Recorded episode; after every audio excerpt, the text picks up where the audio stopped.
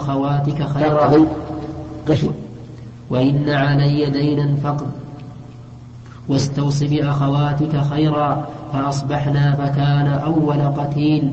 و فكان أول قتيل. ودفن معه آخر في قبر. ثم لم تطب نفسي أن أتركه مع الآخر. فاستخرجته بعد ستة أشهر. فإذا هو كيوم وضعته هنية غير أذنه.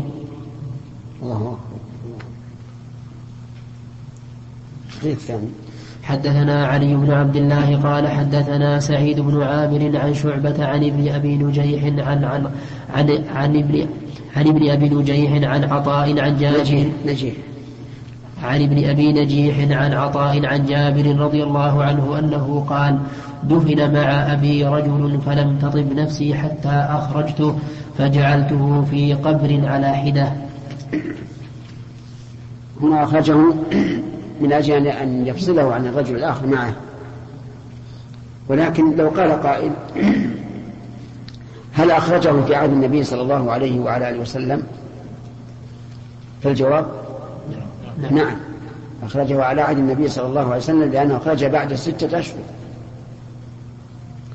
ففي هذا الحديث دليل على جواز إخراج الإنسان من قبره لعلة يعني لسبب.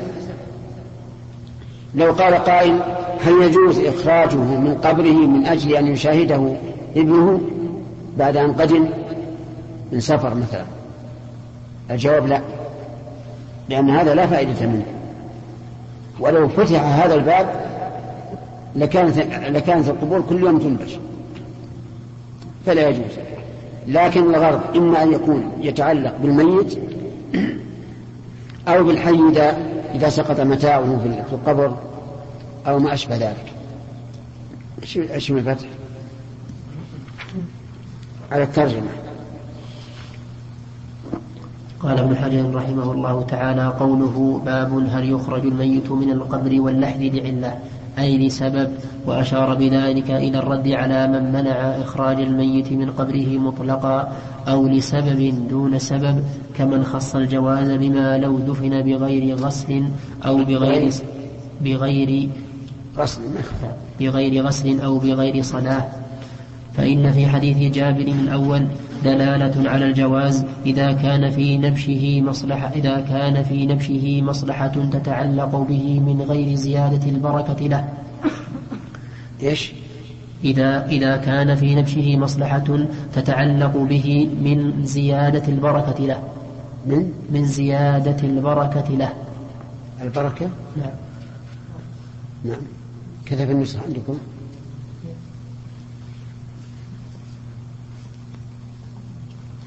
نرجع إليها لكن ذكر رحمه الله قارن بين الغسل وبين نعم. وغير الصلاة وبين الصلاة. وهذا ليس بصحيح. لأن الصلاة يمكن أن يصليها على القبر كما ثبت عن النبي صلى الله عليه وسلم ولا يجوز ولا يجوز أن يبشرها. لكن الغسل نعم. وهو أيضا مشروط بألا يخشى تفسخ الميت. فإن كان يخشى تفسخه فإنه لا يجوز أن يخرج من القبر للتغسيل. أي نعم كمل. وعليه يتنزل قوله في الترجمة من القبر. وفي حديث جابر الثاني دلالة على جواز الإخراج لأمر يتعلق بالحي لأنه لا يتعلق بالحي لأنه لا ضرر على الميت في دفن ميت آخر معه. وقد بين ذلك جابر بقوله فلم تطب نفسي وعليه يتنزل قوله واللحد لأن والد جابر كان في لحد وإنما أورد المصنف الترجمة بلفظ الاستفهام لأن قصة عبد الله بن أبي قابلة للتخصيص وقصة والد جابر ليس فيها تصريح بالرفع قاله الزين بن المنير. لا هذا. الجواب الثاني غير صحيح. بالنسبة لجابر لأنه فعله في عهد النبي صلى الله عليه وعلى آله وسلم وما فعل بعهده فهو مرفوع حكما.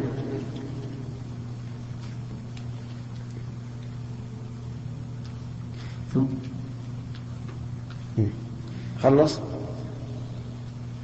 ثم أورد المصنف فيه حديث عمرو وهو ابن دينار عن جابر في قصة عبد الله بن أبي وقد سبق ذكره في باب الكفن في القميص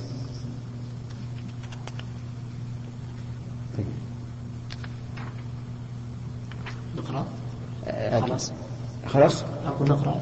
نعم. في شيء؟ إيه كان في شيء؟ نتعلق تكلم على حديث عبد الله بن أبي. نعم. تكلم على حديث عبد الله بن أبي. نعم. يعني تريد أن نقرأ؟ نقرأ حديث شرح الحديث عبد الله بن أبي بن سلول إن كان فيه فائدة إن كان معناه لأنه معناه هو مشكلة. طيب.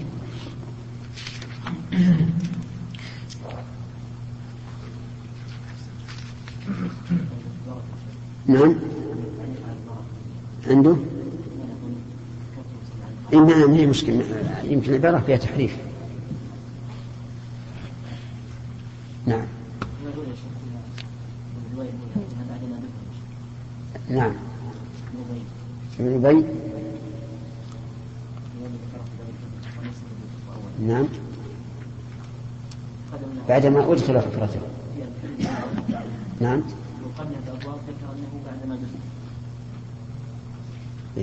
إذا بعد ما تبني يكون في زيادة علم.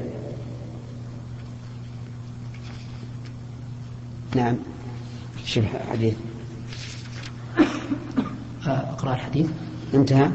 نعم طيب. آه، في حديث جابر رضي الله عنه فيه فيه دليل على توقع ما يظنه الإنسان وهو يكون من باب الفراسة لأن عبد الله رضي الله رضي الله عنه دعا ابنه جابرا وأخبره بهذا الخبر. وفي أيضا قوة طمأنينة الصحابة رضي الله عنهم حيث صرح بأنه توقع القتل ووقع. وفيه دليل على قوة محبة عبد الله رضي الله عنه. للرسول صلى الله عليه وسلم حيث قال إنه أعز عليه من من جابر وأن جابرا أعز عليه من كل أحد إلا الرسول صلى الله عليه وسلم. وفيه أيضا دليل على الوصية بقضاء الدين. وقد قال أهل العلم إن إنه يجب المبادرة بقضاء الدين على الميت سواء أوصى به أم لم يوصي به فإن أوصى به كان ذلك توكيدا. وفيه أيضا دليل على الوصية على من له النظر عليه من الآدميين. فإنه قال استوصي بأخواتك خيرا. وقد نفذ رضي الله عنه.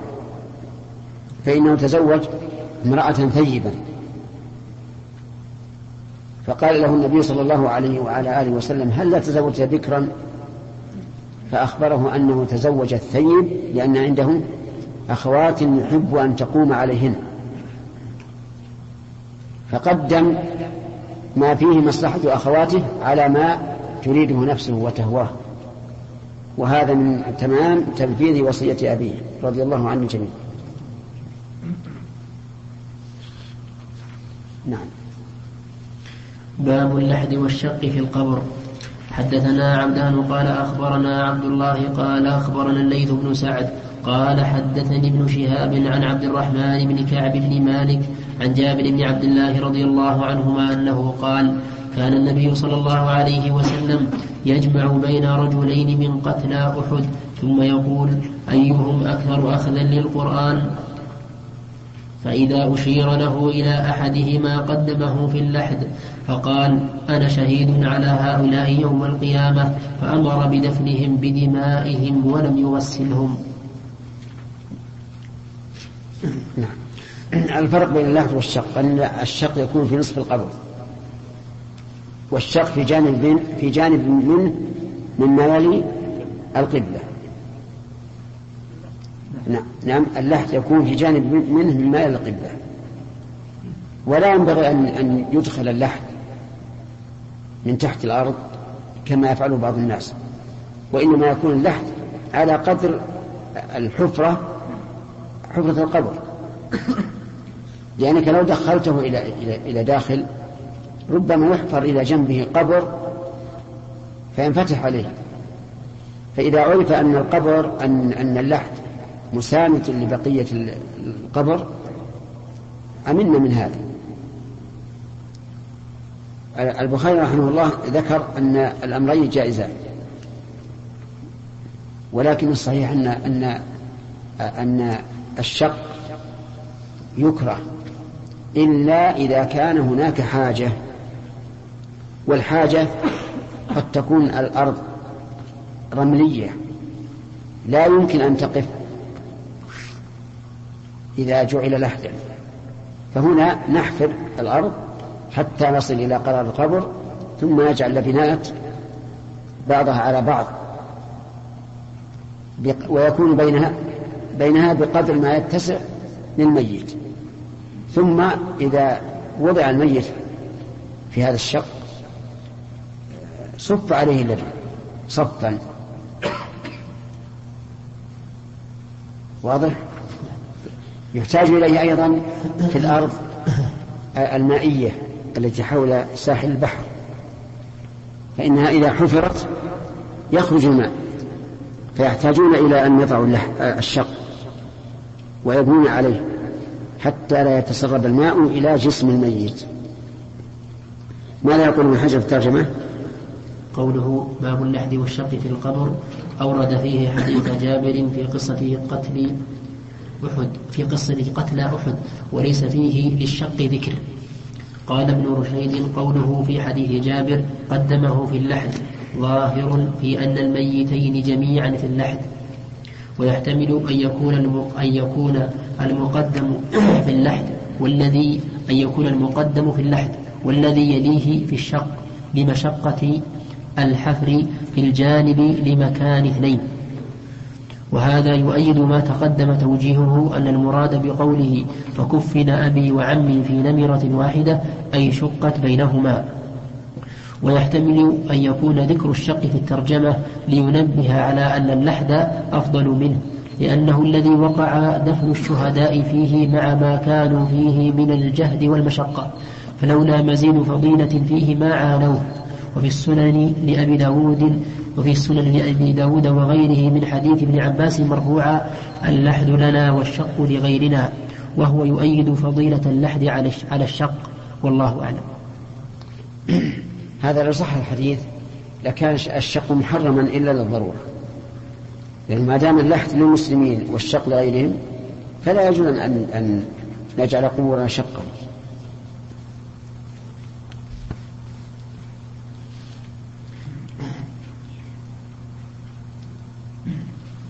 نعم. نعم. نعم. إيش؟ إيش؟ يوضع الميت وضعا يوضع الميت ما يصير. ما فيه لا لا. هذه دكة تكون يصف فيها الناس صفا. لا ما ينحف ما يعرف. لكن هذه تجوز للضرورة وكان الناس في في مكة يكون الوباء الوباء الشديد العظيم في أيام الموسم. يموت في اليوم الواحد مائتين ثلاثمية خمسمية مع قلة الحجاج. فيشق عليهم أن يحفروا القبور. فصاروا يبنون مثل الخلوة خلف المسجد يضعونهم فيها ويضعون عليهم النورة عشان تسع في أكل الجسم. وإذا صار عظاما جمعوهم إلى جانب إلى جانب الخلوة هذه ثم أتوا بآخرين للضرورة. نعم. باب إذا أسلم الصبي فمات هل يصلى عليه؟ وهل يعرض على الصبي الإسلام؟ وقال الحسن وشريح وإبرا وقال الحسن وشريح وإبراهيم وقتادة إذا أسلم أحدهما فالولد مع المسلم. وكان ابن أحدهما يعني أحد الأبوين. وكان ابن عباس رضي الله عنهما مع أمه من المستضعفين ولم يكن مع أبيه على دين قومه وقال الإسلام يعلو ولا يعلى. إذا أسلم الصبي فمات فإنه يصلى عليه لا شك ولكن لا يصح الإسلام حتى يميز. أما قبل التمييز فإن كان أبواه يهودي يهوديين أو نصرانيين أو غير ذلك فهو على دين أبويه. وإذا كان على دين أبويه فإنه لا يغسل ولا يكفن ولا يصلى عليه ولا يدفن مع المسلمين. هذا بالنسبة لأحكام الدنيا. أما بالنسبة لأحكام الآخرة فإنه يكلف يوم القيامة بما أراد الله عز وجل فإن أطاع دخل الجنة وإن عصى دخل النار. فإذا كان أحد الأبوين مسلما فهو مع خيرهما. مع من؟ مع المسلم سواء كان الأب أو الأم. وعلى هذا فإذا تزوج مسلم بنصرانية وآتت بولد. ومات طفلا. فهل نقول إنه يتبع أباه؟ فيغسل ويكفن ويصلى عليه ويدفن مع المسلمين أو يتبع أمه؟ الأول. لأنه مع خير الأبوين. وقوله وهل يعرض على الصبي الإسلام؟ الجواب نعم. يعرض ما دام مميزا. فإذا أسلم كان مسلما ولو كان أبواه كافرا. لأن الإسلام يصح من المميز. والمميز هو من تم له سبع سنين على رأي بعض أهل العلم أو من يفهم الخطاب ويرد الجواب على قول آخرين. وقوله قال الحسن وشريح وإبراهيم وقتادة كلهم من التابعين وكلهم من ذوي الفقه. إذا أسلم أحدهما أي الوالدين فالولد مع المسلم. نعم. ما شاء الله جيد. وصلى الله وسلم على عبده ورسوله نبينا محمد وعلى آله وأصحابه أجمعين. قال الإمام أبو عبد الله البخاري رحمه الله تعالى في كتاب الجنائز من صحيحه في باب إذا أسلم الصبي فمات هل يصلى عليه وهل يعرض على الصبي الإسلام. حدثنا عبدان قال أخبرنا عبد الله عن يونس عن الزهري أنه قال أخبرني سالم بن عبد الله أن ابن عمر رضي الله عنهما أخبره أن عمر انطلق مع النبي صلى الله عليه وسلم في رهط قبل ابن صياد حتى وجدوه يلعب مع الصبيان عند أطم, عند أطم بني مغالة. وقد قارب ابن صياد الحلم فلم يشعر حتى ضرب النبي صلى الله عليه وسلم بيده ثم قال لابن صياد تشهد أني رسول الله. فنظر إليه ابن صياد فقال أشهد أنك رسول الأميين. فقال ابن صياد للنبي صلى الله عليه وسلم تشهد أني رسول الله. فرفضه وقال آمنت بالله وبرسله. فقال له ماذا ترى؟ قال ابن صياد يأتيني صادق وكاذب. فقال النبي صلى الله عليه وسلم خلط عليك الأمر. ثم قال له النبي صلى الله عليه وسلم إني قد خبأت لك خبيئا. فقال ابن صياد هو الدخ فقال فقال اخسأ فلن تعدو قدرك فقال عمر رضي الله عنه دعني يا رسول الله أضرب عنقه. فقال النبي صلى الله عليه وسلم إن يكنه فلن تسلط عليه وإن لم يكنه فلا خير لك في قتله. هذا الحديث في قضية ابن صياد ابن صياد هذا رجل يهودي. ولهذا لم يقر ببعثة الرسول عليه الصلاة والسلام أنه بعث إلى الناس عموما فقال أنت رسول الأميين وكان في مكانه يلبس على الناس أنه نبي. فخرج إليه النبي صلى الله عليه وعلى آله وسلم وفعل معه ما سمعته فأراد النبي صلى الله عليه وسلم أن أن يبين كذبه. وأنه رجل من الكهان كاذب فقال له النبي صلى الله عليه وسلم إني قد خبأت لك خبيئا يعني أضمرت لك في نفسي شيئا. فما الذي أضمرت؟ فعجز أن يبين ما أضمر على سبيل التحديد. قال أضمرت الدخ. والنبي صلى الله عليه وسلم قد أضمر له الدخان. لكن عجز أن يدرك ما أضمر الرسول عليه الصلاة والسلام فقال اخسأ فلن تعدو قدرك. أي أنك كاهن من الكهان الذين يصدقون ويكذبون. وكان عمر رضي الله عنه كما تعلمون رجلا قويا في ذات الله. قال له أضرب عنقه لما تبين له أنه كاهن من الكهان قال دعني يا رسول الله أضرب عنقه. فقال إن يكنه فلن تسلط عليه وإن لم يكنه فلا خير لك في قتله. كأنه قال له اترك. إن كان هو الدجال إن كان هو الدجال فإنه لن تسلط عليه. لأن الدجال سيبعث ويمكث في الأرض ما شاء الله أن يمكث أربعين يوما. اليوم الأول كالسنة والثاني كالشهر والثالث كالأسبوع والرابع وما بعده كأيامنا. وإن لا يكن وإن لم يكنه فلا خير لك في قتله. النحويون يستشهدون بهذا على مثال. ما هو؟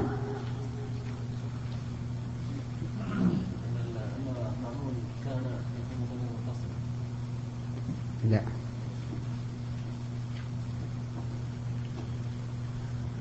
جمعة إيش؟ هو محذوف اللي معنا؟ غير محذوف إيه كيف تقول يستدلون بعد حتى النون؟ لا يحذف في هذه الحالة لا في غير الحالة لا لا يحذف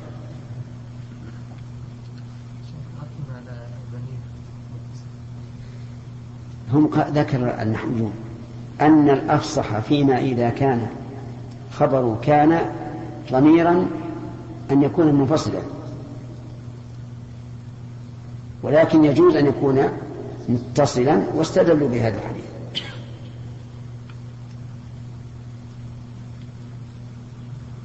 ابن مالك يقول وصل أو أفصل ها أسلنيه وما أشبهه في كنته الخلف انتمى. فقول في كنته يعني هل توصل أو لا؟ الخلف يعني خلاف بين النحويين انتمى وكذاك خلتنيه وهو مفعول الثاني من ظن وأخواتها واتصال أختار غيري اختار الانفصال. ويريد بغيره سيبويه رحمه الله. نعم. وقال سالم سمعت ابن عمر رضي الله عنهما يقول انطلق بعد ذلك رسول الله صلى الله عليه وسلم وأبي بن كعب إلى النخل التي فيها ابن صياد وهو يختل أن يسمع من ابن صياد شيئا قبل أن يراه قبل أن يراه ابن صياد. فرآه النبي صلى الله عليه وسلم وهو مضطجع يعني في قطيفة له يعني في قطيفة يعني في قطيفة له يعني في قطيفة له فيها رمز له فيها رمزة أو زمرة. فرأت أم فرأت أم ابن فرأت أم ابن صياد رسول الله صلى الله عليه وسلم وهو يتقي بجذوع النخل.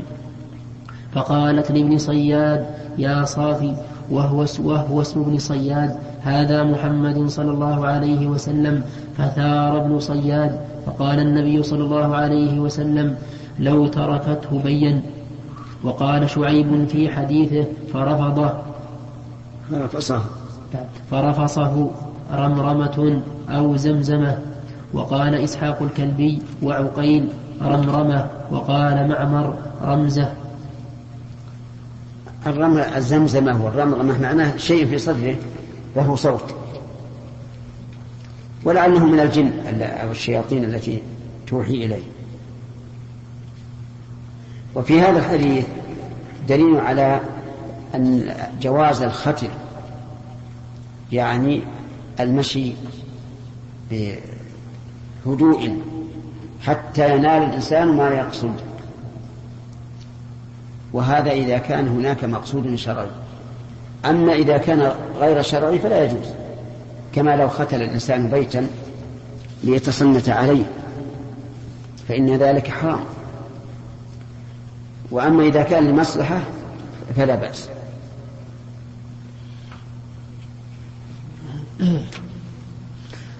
حدثنا سليمان بن حرب قال حدثنا حماد وهو وهو ابن زيد عن ثابت عن أنس رضي الله عنه أنه قال كان غلام يهودي يخدم النبي صلى الله عليه وسلم فمرض فأتاه النبي صلى الله عليه وسلم يعوده فقعد عند رأسه فقال له أسلم فنظر إلى أبيه وهو عنده فقال له أطع أبا القاسم أطع أبا القاسم صلى الله عليه وسلم فأسلم. فخرج النبي صلى الله عليه وسلم وهو يقول الحمد لله الذي أنقذه من النار. في هذا الحديث دليل على جواز عيادة المريض غير المسلم. ولا سيما إن رجع إسلامه فإنه يتأكد. وفيه أيضا أنه يعرض على المريض الذي المعاد يعرض عليه ما يحتاج إلى عرضه من أمور الدين. فإن كان كافرا عرض عليه إيش؟ الإسلام. وإن كان مسلما عرض عليه ما كان يعمل من المعاصي حتى يتوب منها وعرض عليه أن يتذكر ما عليه من الديون حتى يوفيها أو يوصي بها وما أشبه ذلك. وفيه دليل على ملاطفة المريض لأن النبي صلى الله عليه وعلى آله وسلم قعد عند رأسه وهذا أقرب ما يكون إلى القلب. وفيه دليل على مراجعة الوالدين في الإسلام لأن اليهودي راجع والده بالنظر إليه. ولكن لو, لو, لو أنهما منعاه من الإسلام فهل يطيعهما؟ لا لكن يراجعهما لتطيب قلوبهما وليعلم ما عندهما وأما إذا منعه وقال لا تسلم فلا يطيعهما كما قال عز وجل وإن جاهداك على أن تشرك به ما ليس لك به علم فلا تطعهما وفيه دليل على أن اليهود يعرفون النبي صلى الله عليه وعلى آله وسلم وأنه على حق. لأنه أعني الأب أبا هذا اليهودي. لو كان يعلم أن النبي صلى الله عليه وعلى آله وسلم على باطل ما أذن له في هذه الحال وهو مريض مقبل على الآخرة. وفيه هذه الكنية للنبي صلى الله عليه وعلى آله وسلم وهي أبو القاسم.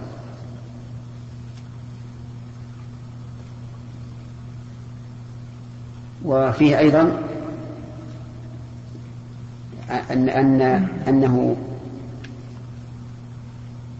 يفرح الرجل بأن يهدي الله على يديه أحدا لأن النبي صلى الله عليه وسلم فرح بذلك وحمد الله عليه وجعله من النعم التي يحمد الله عليها تبارك وتعالى. وفيه أن الإنسان إذا مات على الكفر فإنه يكون من أهل النار. فإن أسلم ولو عند قرب موته إذا لم يحضر الموت فإنه يصح إسلامه.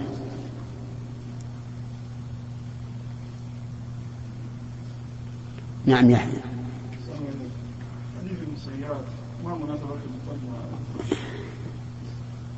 مناسبة الإسلام. نعم.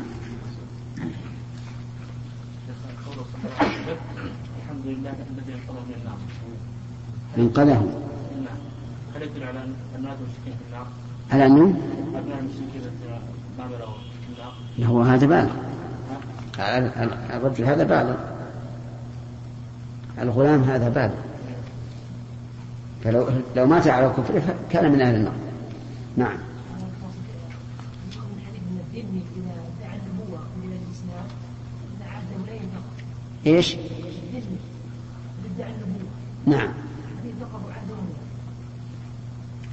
نعم ينتقض عهده.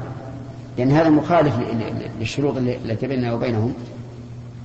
فإن من الشروط أن لا يأتوا بشيء يعززون به دينهم. خاصة قضية خاصة ما ندري لماذا. فلأن النبي عليه الصلاة والسلام ترك إثارته خوفا من الشر.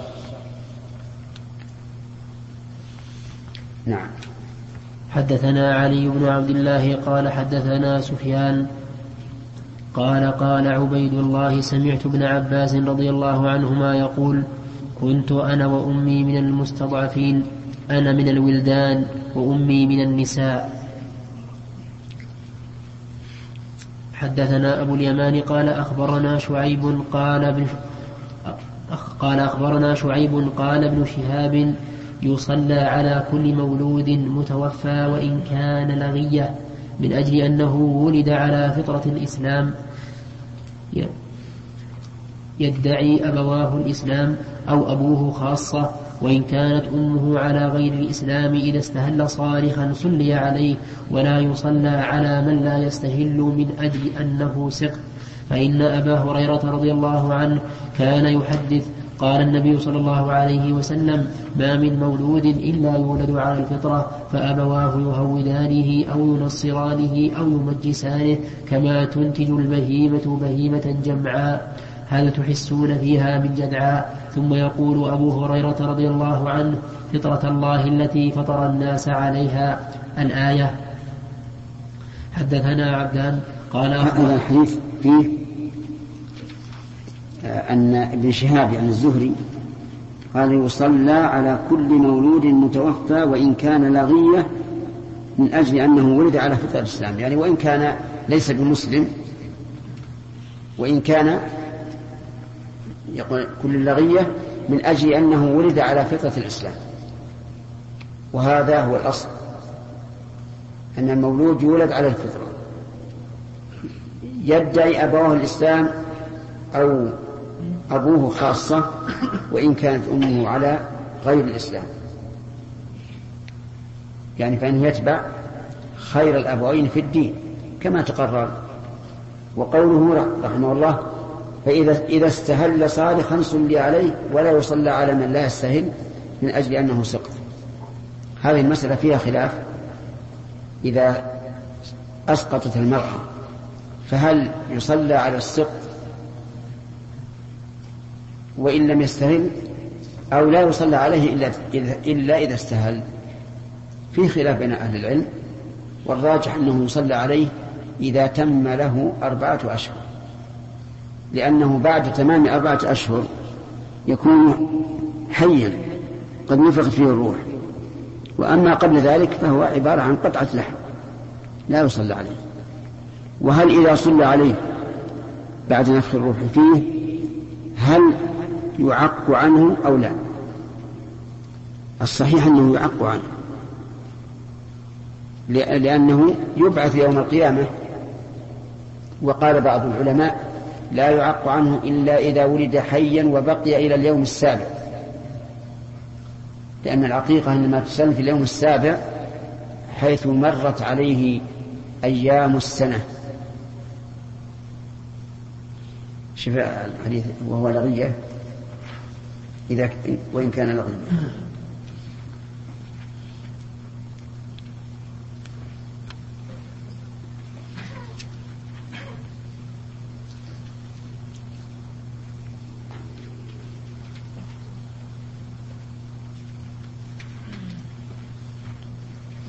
قال ابن حجر رحمه الله تعالى رابعها حديث أبي هريرة في أن كل مولود يولد على الفطرة. أخرجه من طريق ابن شهاب عن أبي هريرة منقطعة ومن طريق آخر عنه عن أبي سلمة عن أبي هريرة فالاعتماد في المرفوع على الطريق الموصولة وإنما أورد المنقطعة لقول ابن شهاب الذي استنبطه من الحديث وقول ابن شهاب نغية بكسر اللام بكسر اللام والمعجمة وتشديد التحتانية أي من زنا. ذرية نعم أي من زنا ومراده أنه يصلى على ولد الزنا ولا يمنع ذلك من الصلاة عليه لأنه محكوم بإسلامه تبعا لأمه. وكذلك من كان أبوه مسلما دون أمه. وقال ابن عبد البر لم يقل أحد إنه لا يصلى على ولد الزنا إلا قتادة وحده إلا قتادة وحده. ليش؟ إلا قتادة أحسن الاتباع أحسن. إلا قتادة وحده واختلف في الصلاة على الصبي. فقال سعيد بن جبير لا يصلى عليه حتى يبلغ وقيل حتى يصلي. وقال الجمهور يصلى, على يصلى عليه حتى السقط إذا استهل. وقد تقدم في باب قراءة الفاتحة ما يقال في الصلاة على جنازة الصبي. ودخل في قوله كل مولود السقط. فلذلك قيده بالاستهلال وهذا مصير من الزهري إلى تسمية الزاني أبا لمن زنى بأمه فإنه يتبعه في الإسلام وهو قول مالك وسيأتي الكلام على المتن المرفوع. أعد أعد سطر ودخل في قوله كل مولود السقط فلذلك قيده بالاستهلال. وهذا مصير من الزهري إلى تسمية الزاني أبا لمن زنى بأمه فإنه يتبعه في الإسلام وهو قول أبا أبا. نعم. أبا لمن زنى بأمه. نعم فإنه يتبعه في الإسلام وهو قول مالك وسيأتي الكلام على المتن المرفوع وعلى ذكر الاختلاف على الزهري في وعلى, وعلى, ذكر الاختلاف على الزهري فيه في باب أولاد المشركين إن شاء الله تعالى. نعم.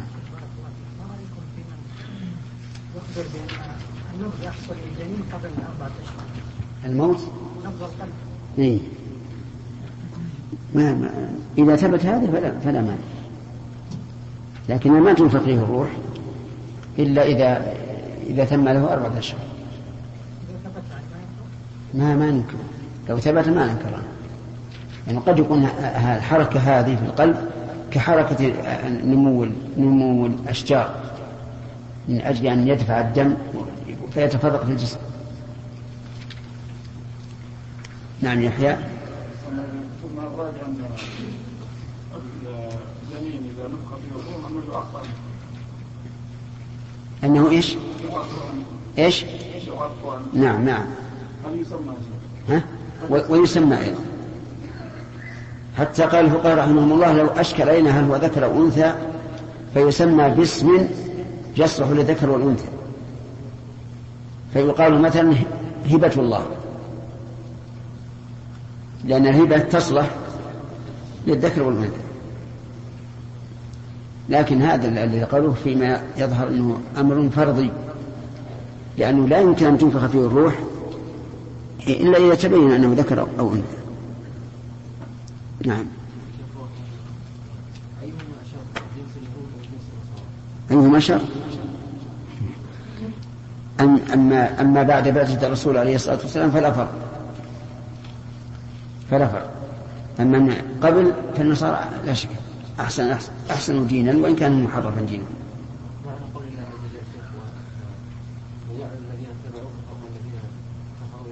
نعم. يعني المسلمين. نعم. اي نعم. قبل بعثة الرسول الذين اتبعوهم الذين على دينه وبعد بعثة الرسول الذين اتبعوهم المسلمون لأنه بعد أن كذبوا الرسول ما اتبعوا عيسى نعم. الله قوله تعالى الأرحام ما يشكل على على إيش؟ هذا العصر. على إيش؟ هذا العصر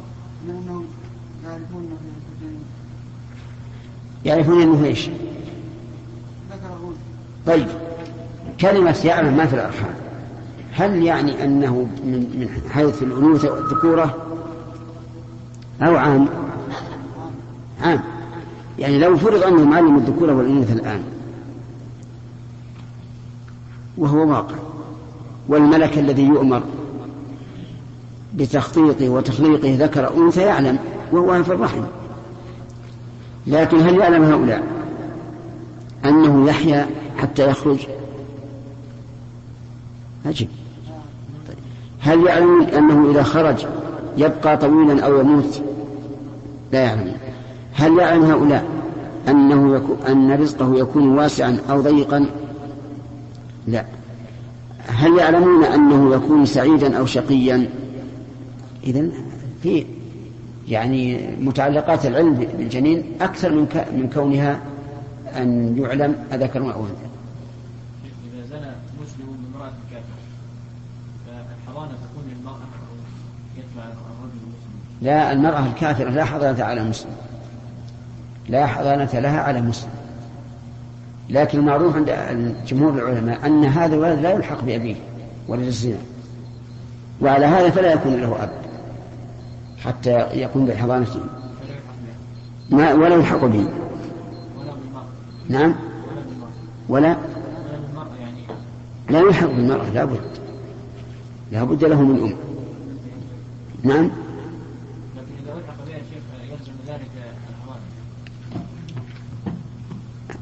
أن تحضنه. وهي كافرة ولا ولا إيه. الآن هذا الرجل على قول الجمهور ليس له أب له أم وأمه كافرة فيحكم بكفره تبعا لأمه وتحضنه كما تحضن بقية أولادها